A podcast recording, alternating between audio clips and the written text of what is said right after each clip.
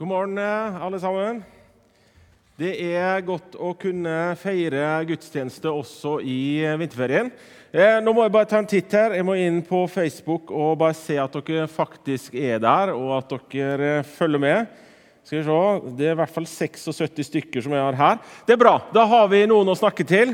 Veldig flott. Godt at dere er med.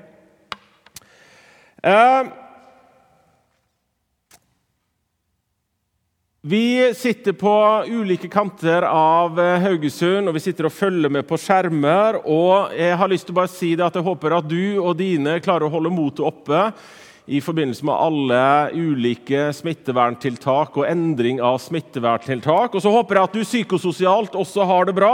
At det står bra til i forhold til helse og den metale fungeringen, at den er på plass. Men nå kan det jo også være sånn da, at du har kommet helt ned på slutten av lista over aktiviteter, over spill, over sånne huslige gjøremål, oppussing osv. som du skulle utføre i påvente av at eh, koronapandemien går over. Og at det nå rett og slett begynner å bli kjedelig. Og kanskje det har vært kjedelig en lang stund allerede.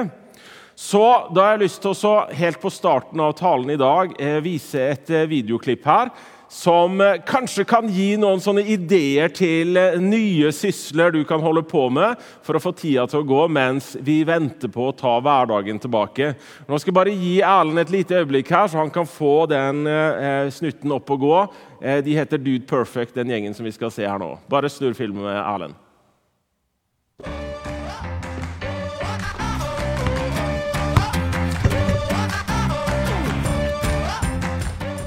Dude, perfect. One more.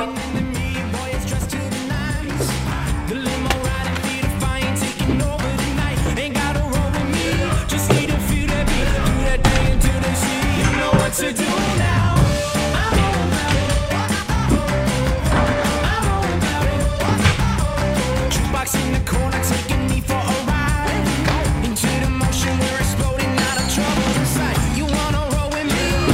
Hey, Corey, you got that pizza, man? Sure do. You know what to do now.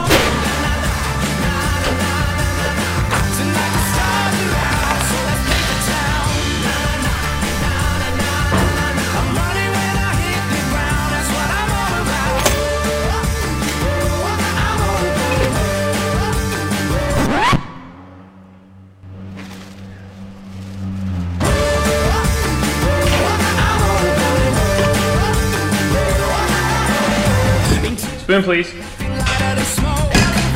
Thanks, man.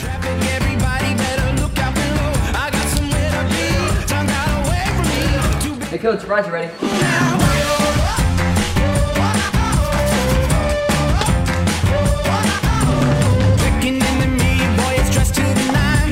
Thanks, man. Really appreciate that. I gotcha. I'm gonna just probably save that for later.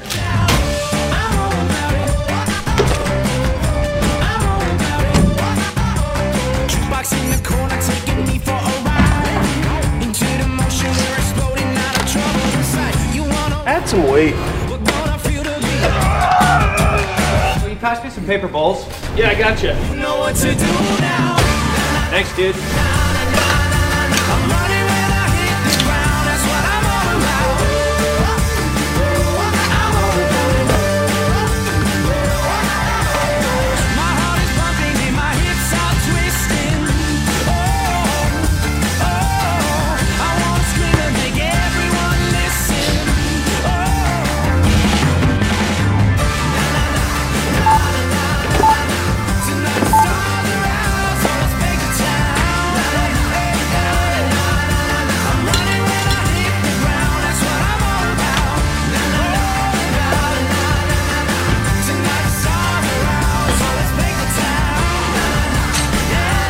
Have a good flight, bro. Thanks. Ooh, cheese balls. Love those. no.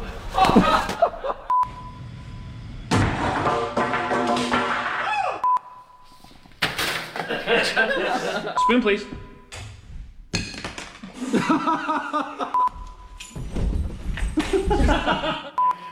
Ok, da kan vi la den eh, fade ut. Forhåpentligvis så har du nå fått noen eh, gode ideer. Finn fram en tennisball, finn deg en dartpil, finn et eller annet, begynn å kaste på noe, og så får du tida til å gå. Eh, Det ble ikke gjort ved første take, de triksene du fikk se her. Dude Perfect, helt kort om de. Det er en kristen gjeng som gjør det stort på bl.a. YouTube. Eh, akkurat den filmsnutten som vi så her nå, har vel 230 millioner eh, eh, visninger på YouTube, så, så de er store. Sjekk de gjerne ut. Det er en festlig gjeng, så selv om det her kanskje ikke var noe for alle, så kanskje noen allikevel har fått en idé til hva de kan fylle koronatida med. Men uansett hva du har av aktivitet, eller hva du ikke har, du skal huske på det at også denne tid vil passere. Vi vil på ny ta hverdagen tilbake og det fysiske fellesskapet tilbake. Og Her i Misjonskirka så er vi nå inne i en serie der vi følger Jesus på vei mot Jerusalem gjennom kapitlene i Lukasevangeliet. En ferd som skal ta oss frem mot påskehøytida, den store høytida for den kristne tro. Påske som er kulminasjonen, høydepunktet i Jesu verk. Tidspunktet i tid og rom da universets viktigste batalje nådde sitt klimaks på en støvete høyde utenfor Jerusalem. Kampen som endte med død på et kors, men hvor døden ikke var et tap, men total seier. Så her er det bare å skru opp forventningene, for fortsettelsen den vil følge. Men i dag er vi ikke kommet frem til påsken, men vi har kommet til kapittel 16 i Lukasevangeliet. Og Det er et kapittel som består av to historier. Lignelser med et midtparti hvor Jesus henvender seg til fariseerne. Helt kort om fariseerne. Det var en gruppe innen jødedommen som var opptatt av å tolke den jødiske lære og tidligere lærdes forklaring til de ulike tekstene. Den ene av lignelsene handler om en forvalter som sløste bort eieren sin formue, men som viste seg til syvende og sist å være ganske gatesmart. Den andre lignelsen omhandler to menn som kommer fra vidt forskjellig sosial klasse, og som dør samtidig. Så hvor skal vi, da, i en sånn tekst som det her? Jeg har lyst til å si det. Livet det er en vandring. Du kan si hva du vil, men du er stadig på bevegelse fremover. Du kan stritte imot, men tiden drar deg allikevel fremover uansett. Du vokser, du blir eldre, du modnes, du lærer, du får mer livserfaring. Du er på vei mot graven, akkurat som Jesus i påsken. Samtidig, likt med Jesus, så er ikke graven en siste stopp, men det er avgangsterminalen til fortsettelsen av ditt liv. Og på den ferden her, fra liv til liv, så er vi forvaltere. Du er en forvalter av de evner og talenter som du har. Av den mentale, intellektuelle og fysiske kraft og styrke som du innehar. Og av de materielle verdier som du er gitt. Er du en god forvalter? Er jeg en god forvalter? Kan vi bli bedre forvaltere? Det er jo alltid et potensial for forbedring. Og Vi skal lese fra Lukas kapittel, eh, kapittel 16, vers 9 og 10, hvor det står Jeg sier dere, skaff dere venner ved hjelp av den uhederlige mammon, så de kan ta imot dere i de evige boliger når pengene tar slutt. Den som er tro i smått, er også tro i stort. Og den som er uredelig i smått, er også uredelig i stort. Hva er det Jesus sier her? Mammon, bare for å avklare det med en gang. Det er snakk om penger, altså økonomi. Sånn at vi, vi har det på plass, hvis du ikke har vært borti det begrepet før. Det Jesus sier her, er at du skal være en forvalter av det du har. og du skal være en forvalter om det er lite eller om det er stort, og du skal vise på en måte at du er verdig den tilliten det er å skulle forvalte noe. Nå er vi jo inne i en spesiell tid. Vi har blitt veldig digitale på bare ett år. Og den digitale verden den sporer oss. Jeg vet ikke om du har opplevd noe lignende det her, men den siste tida så har jeg opplevd at når jeg sitter på eh, på internett, sitter og leser nettaviser osv., så, videre, så får jeg en mengde med reklame for ulike produkter som skal fjerne ørevoks. Og, med, og, og I tillegg da, så får jeg et bild, sånne ekle bilder som viser hvor utrolig mye ørevoks det kan være i et øre. Og da selvfølgelig med informasjon om hvor viktig det er at den ørevoksen her blir fjerna. Og det som er saken er at Jeg har aldri søkt etter noen remedier for fjerning av ørevoks. Og De reklamene her de kommer som et resultat av algoritmer mest sannsynlig, som ut ifra min alder har definert at jeg nå visstnok skal ha et økende ørevoksproblem og trenger dermed kraftigere skyts enn en q-tips. På samme måte er det også med reklame vi mottar i forhold til pensjonssparing. Jeg tror ikke det går en dag eller en uke uten at vi kan enten lese om det i nyhetsmediene, eller vi får reklame om pensjonssparing eller opprettelse av BSU-konto hvis du er yngre, eller det kan være livsforsikringer osv. Vi blir spora, og vi mottar ulik type reklame. og Vi kan bli lei av det, og vi forstår at dette ikke utelukkende informasjon som er gitt av de edleste hensikter fra noen som, som ønsker kun vårt eget beste. Fordi du har penger, og noen ønsker da å gjøre fortjeneste på de pengene som du har. Men samtidig så er det ikke feil å skulle spare til pensjon eller opprette en BSU-konto. Fordi det er et forvalterperspektiv i det her. At du og meg vi skal planlegge for det livet vi skal leve her på jorda. Og Vi skal ikke da glemme ut at vi blir eldre, og at det kan være greit å ha en OK økonomi også da. Og at eh, Hvis du starter i dag, så får du kanskje en mer romslig alderdom, eller du som ung kommer det enklere inn på boligmarkedet. For det er ikke noe galt i det å tjene penger. Eller å forvalte det ved å planlegge for årene som ligger foran deg. Når Jesus sier dere kan ikke tjene både Gud og mammon, altså penger, så er ikke det ment som at du ikke kan være en lønnsmottaker hvor du gjør en jobb mot betaling, slik at du kan dekke utgiftene til livsopphold. Det er ikke det han, han, han, setter opp imot det å skulle tjene penger. Det Jesus setter fingeren på, det er selve grunnholdningen som vi har til pengene. Altså hvilket perspektiv er det pengene har i livet vårt. Forvalteren i Jesus sin lignelse i kapittel 16 i Lukas han vet at nå har hans arbeidssituasjon kommet til veis ende. Og Han må nå sikre seg for sin fremtid. Og Det gjør han gjennom dokumentforfalskning og å utgi et uriktig regnskap.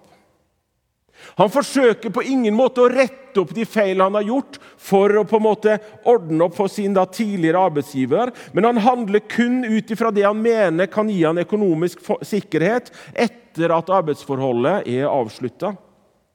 Det er et egosentrisk perspektiv der økonomien i dette tilfellet blir et middel for å skaffe seg medsammensvorne som er bundet sammen med han gjennom det at de har deltakelse i og kjennskap til en svindel.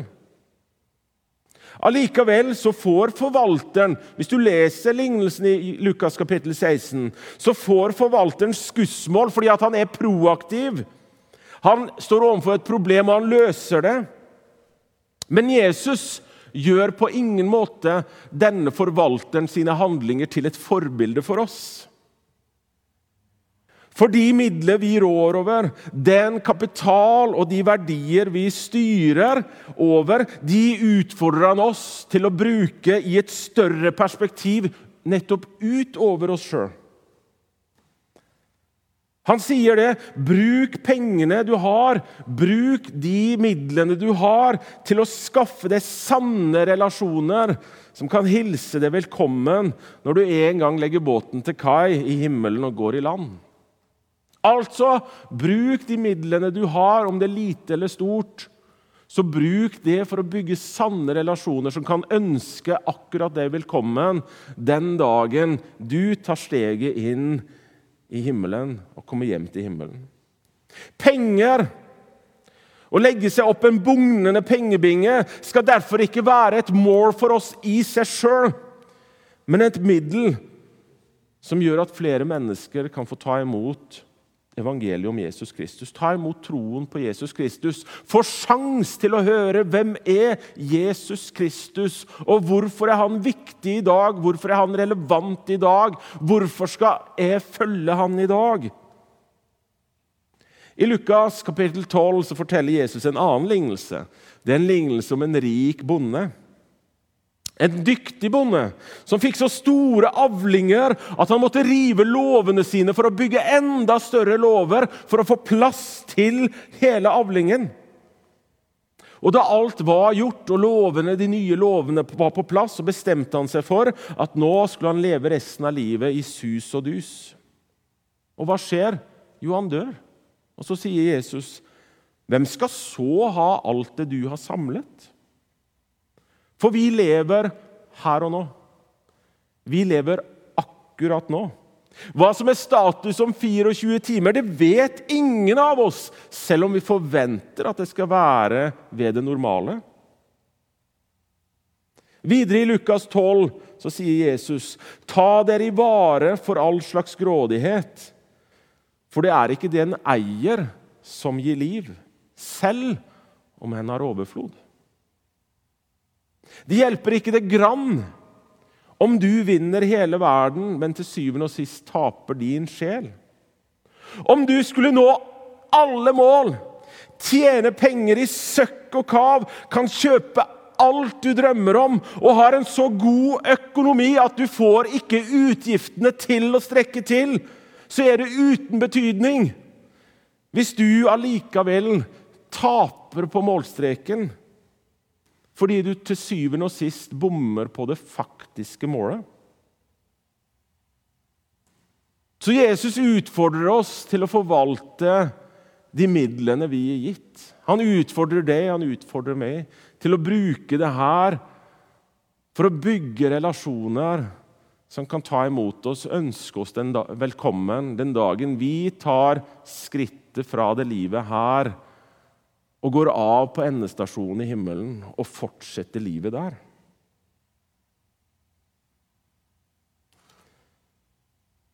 Så hva kan vi da gjøre?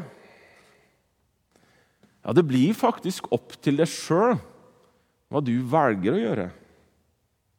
Men jeg har lyst til å bare løfte fram noen ting som eh, jeg er sikker på at mange allerede gjør.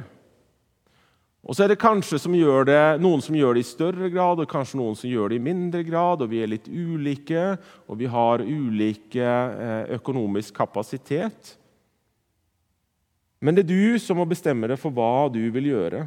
Men det som jeg har lyst til å trekke fram, er det at invester i Guds rike, i menigheten. Og det innebærer mer enn at våre penger går til å dekke husleie og strøm. altså. Det går til alt det arbeidet som drives ut ifra Guds menighet, som er alt ifra det som skjer på skattkammeret en søndag, til det som skjer ute på misjonsmarkene. Og Det handler om mer å bare gi fra seg ord. Det handler om å kunne gi mat til de som sulter, bygge hus for de som ikke har et sted å bo. Det er et stort spekter og ulike fasetter i det å skulle gi og investere i Guds menighet. Invester tid og penger i ekteskapet ditt, i barna dine, i dine nærmeste. Invester i de som lider, som mangler alt, både fjernt og nært. Jeg sa det at vi responderer ulikt. Og, og, Noen mennesker er skrudd sånn sammen at hvis de ser lidelse, så får de helt følelsesmessig overbelastning, mens andre er mer objektive og tilnærmer seg det på en annen måte. Og Det gjelder ikke bare mennesker innenfor eh, den kristne kirke. Det er et snitt av menneskene som responderer ulikt når de ser lidelse. Vi skal få høre et lite lydklipp her. Jeg skal bare gi Erlend en sjanse til å få den fram. Vi skal få høre et lydklipp fra en person som er veldig høy på empati, og som har et stort hjerte for mennesker som lider, og som har en konstant opplevelse av at han ikke gjør nok. Skal vi høre den her? Du gjør jo altfor lite. Altså, du sitter jo og syn... jeg, altså, Det hjelper jo ikke at det stikker i hjertet ditt eller at du har det hvis du ikke får gjort noe. Nei, men det stikker i hjertet ditt, da. Det er jo det vi snakker om. Ja, ja, men, men du gjør jo altfor lite. Jo, det. Generelt så gjør vi altfor lite. Det- Vi er jo altfor veike. Det skjønner jeg. Ja. Men hva er det du skulle ha gjort da, hvis du skulle følge følelsene dine? Hva, hva kunne jeg vært? Du skulle jo ha donert eh, konkrete ting hvis du hadde hatt mulighet for det. Og det har jeg jo for så vidt, men jeg gjør det jo ikke nok. Altså, det, og, og, og du skulle ha kanskje la være å bruke eh, nesten alle døgnets timer på, på de, bare de rundt deg og øh, fotballen. Og hvis du har to, tre, fire timer fri, så ser du en Netflix eller eh, et eller annet sånt. Altså, du kunne ha gjort mye mer for at ah, flere skulle få det bra. Jeg vet ikke om du eh, klarte å få med deg hvem det her var snakk om. Men det her er da altså den nye landslagssjefen vår i fotball, Ståle Solbakken, som, eh, som har et hjerte for de som lider, som gir faktisk raust av de midlene han har, og allikevel har en konstant opplevelse at han burde ha gjort mer. Han burde ha strukket seg lenger. Det er ikke nok som han sier at, å kjenne at det stikker i hjertet. Du bør gjøre mer. Og Det er jo fantastisk da at vi er skrudd sånn sammen at Gud har skapt alle mennesker på forskjellig underfullt vis. Og det som gjelder for oss, er det at som en Jesu etterfølger så har vi, uavhengig av vår følelse eller objektivitet, et ansvar overfor de som lider. Til å være med og forsøke å gjøre verden her og nå også til et bedre sted å leve. Så invester. Vi skal, eh, før jeg tar avslutningen og det her blir litt sånn eh, teknisk i dag, eh, så derfor må jeg bare snakke direkte til dere som sitter der ute. at Nå skal jeg forflytte meg herfra og bort på pianoet. og Det her foregår live, det her er ikke noe opptak, så nå må jeg faktisk fysisk røre på meg. skal jeg bort på pianoet, og så skal vi synge en sang, og så skal jeg tilbake igjen hit etterpå. Og Så får vi se åssen det her går, sånn at kamera, og bilde og lyd henger med.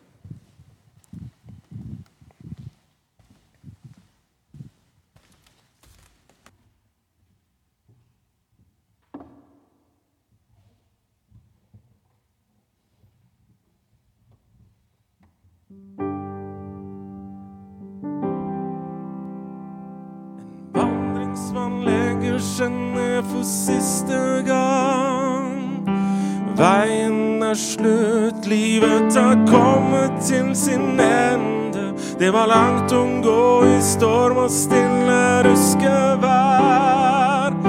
Men nå er han fremme ved den siste hvile. Imot kommer ham som er fra førtidens morgen. Han som står igjen og siste fjell forvitrer. Evighetens frelser, korsets bærer. Dødens overvinner strekker hånden ut. En vandringsmann får gå inn i det evige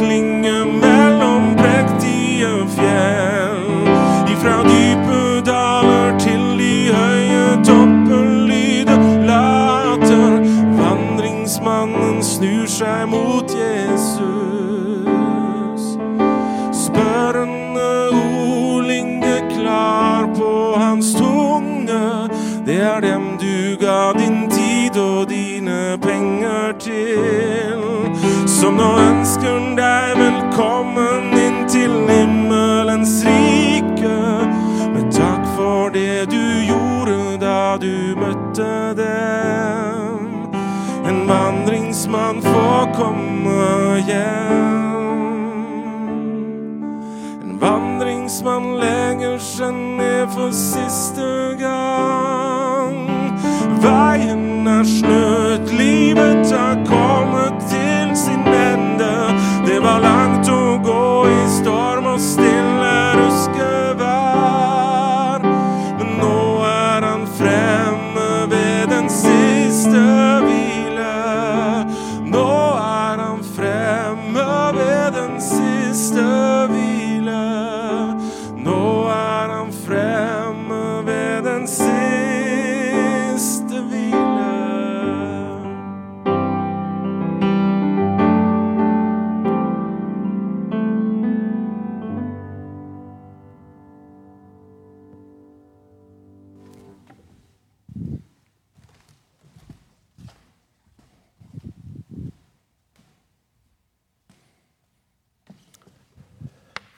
Det er kanskje rart da, å synge en sånn sang på en sånn dag som det her, hvor eh, det ender med at han har kommet fram til sin siste hvile. Ikke heng deg opp i den siste hvile!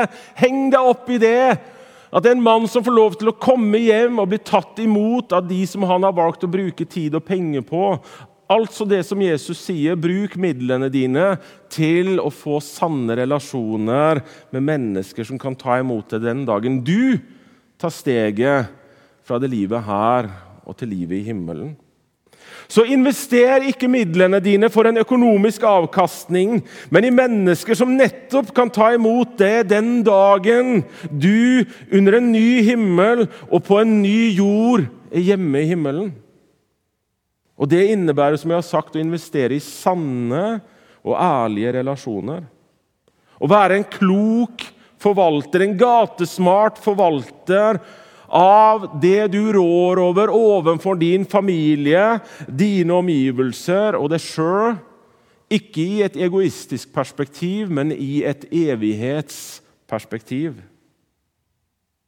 Så ikke gå for kortsiktig jordisk gevinst, som du uansett mister den dagen du selv har trukket visakortet for siste gang. Vi skal ta oss og be sammen. Jeg takker deg, Jesus Kristus, fordi at du er midt iblant oss. Jeg takker deg, Jesus, fordi at du ser oss her vi sitter nå på våre ulike skjermer rundt omkring i Haugesund, rundt omkring på ulike lokasjoner. Og Jeg bare ber Jesus Kristus om at du skal være oss nær. Og du kjenner livene våre ut og inn. Du vet om vi er tro i lite eller stort. Og du kjenner den kapasitet vi har, de midler vi har. Og Nå ønsker jeg bare å be Jesus Kristus om at du utfordrer oss til å bruke det du har gitt oss, slik at du og de som vi har vært med å gi videre til, kan ta imot oss den dagen vi får lov til å komme hjem til deg, Jesus. Takk for din nåde. Takk for din barmhjertighet, takk for din tilgivelse, takk for din frelse. Og vi legger resten av dagen i dine hender.